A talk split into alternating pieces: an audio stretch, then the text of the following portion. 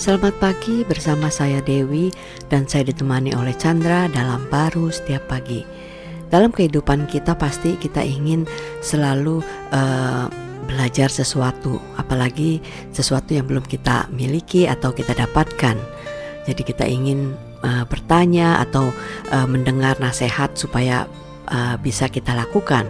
Tetapi di dalam Lukas 18 ayat 18 dikatakan ada seorang pemimpin bertanya kepada Yesus katanya, "Guru yang baik, apa yang harus aku perbuat untuk memperoleh hidup yang kekal?"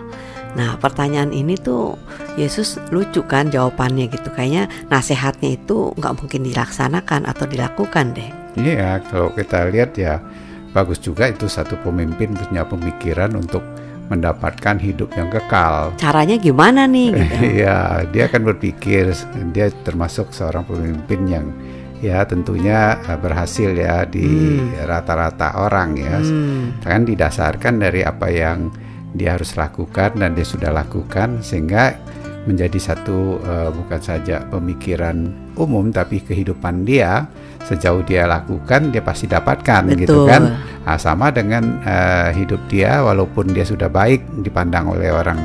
Tentunya dia masih aja ingin yang lebih baik. Dalam hal ini dibilang hidup yang kekal. Hmm, sedangkan itu yang belum dia miliki kali ya, ya dia belum miliki. Sehingga dia berpikir ya tentu Uh, dalam hal ini uh, Tuhan Yesus kan dia masih melihat sejauh guru yang bisa mengajar dia untuk dia bisa melakukannya sehingga dia bisa menerima hmm. uh, hidup yang kekal itu. Betul. Padahal barang itu uh, gimana ya udah nggak bisa lagi ya diajarin kalau hidup manusia ini kan udah terkuasai oleh kematian kan. Hmm. Ada batas waktunya diajarin sebagaimanapun juga dilakukan sebagaimanapun juga sudah nggak bisa. Hmm. Uh, sehingga uh, diperlukan bukan seorang guru ya dengan pengajaran tapi seorang penebus Tuhan wow. itu sendiri. Yes. Nah, dia perlu melihat Kristus itu datang kepada hidup dia memang untuk memberikan hidup kekal, hmm. tapi bukan mengajarkan bagaimana cara mendapatkan hidup kekal, hmm. Tapi percaya bahwa dengan dia lakukan bukan Tuhan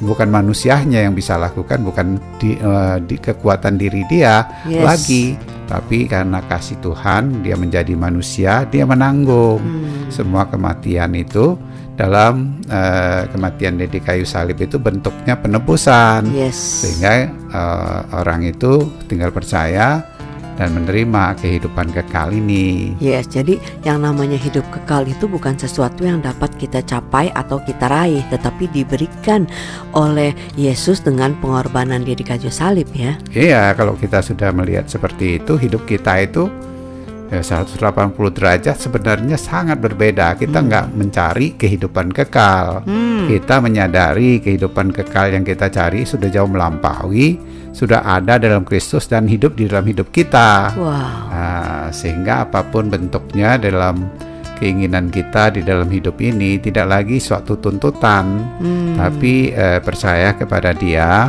dan uh, selalu di dalam perjalanannya bisa menikmati walaupun ada batas waktu ya hmm. untuk penggenapan yang kita inginkan tapi tidak lagi suatu tuntutan. Wow, amin. Amin.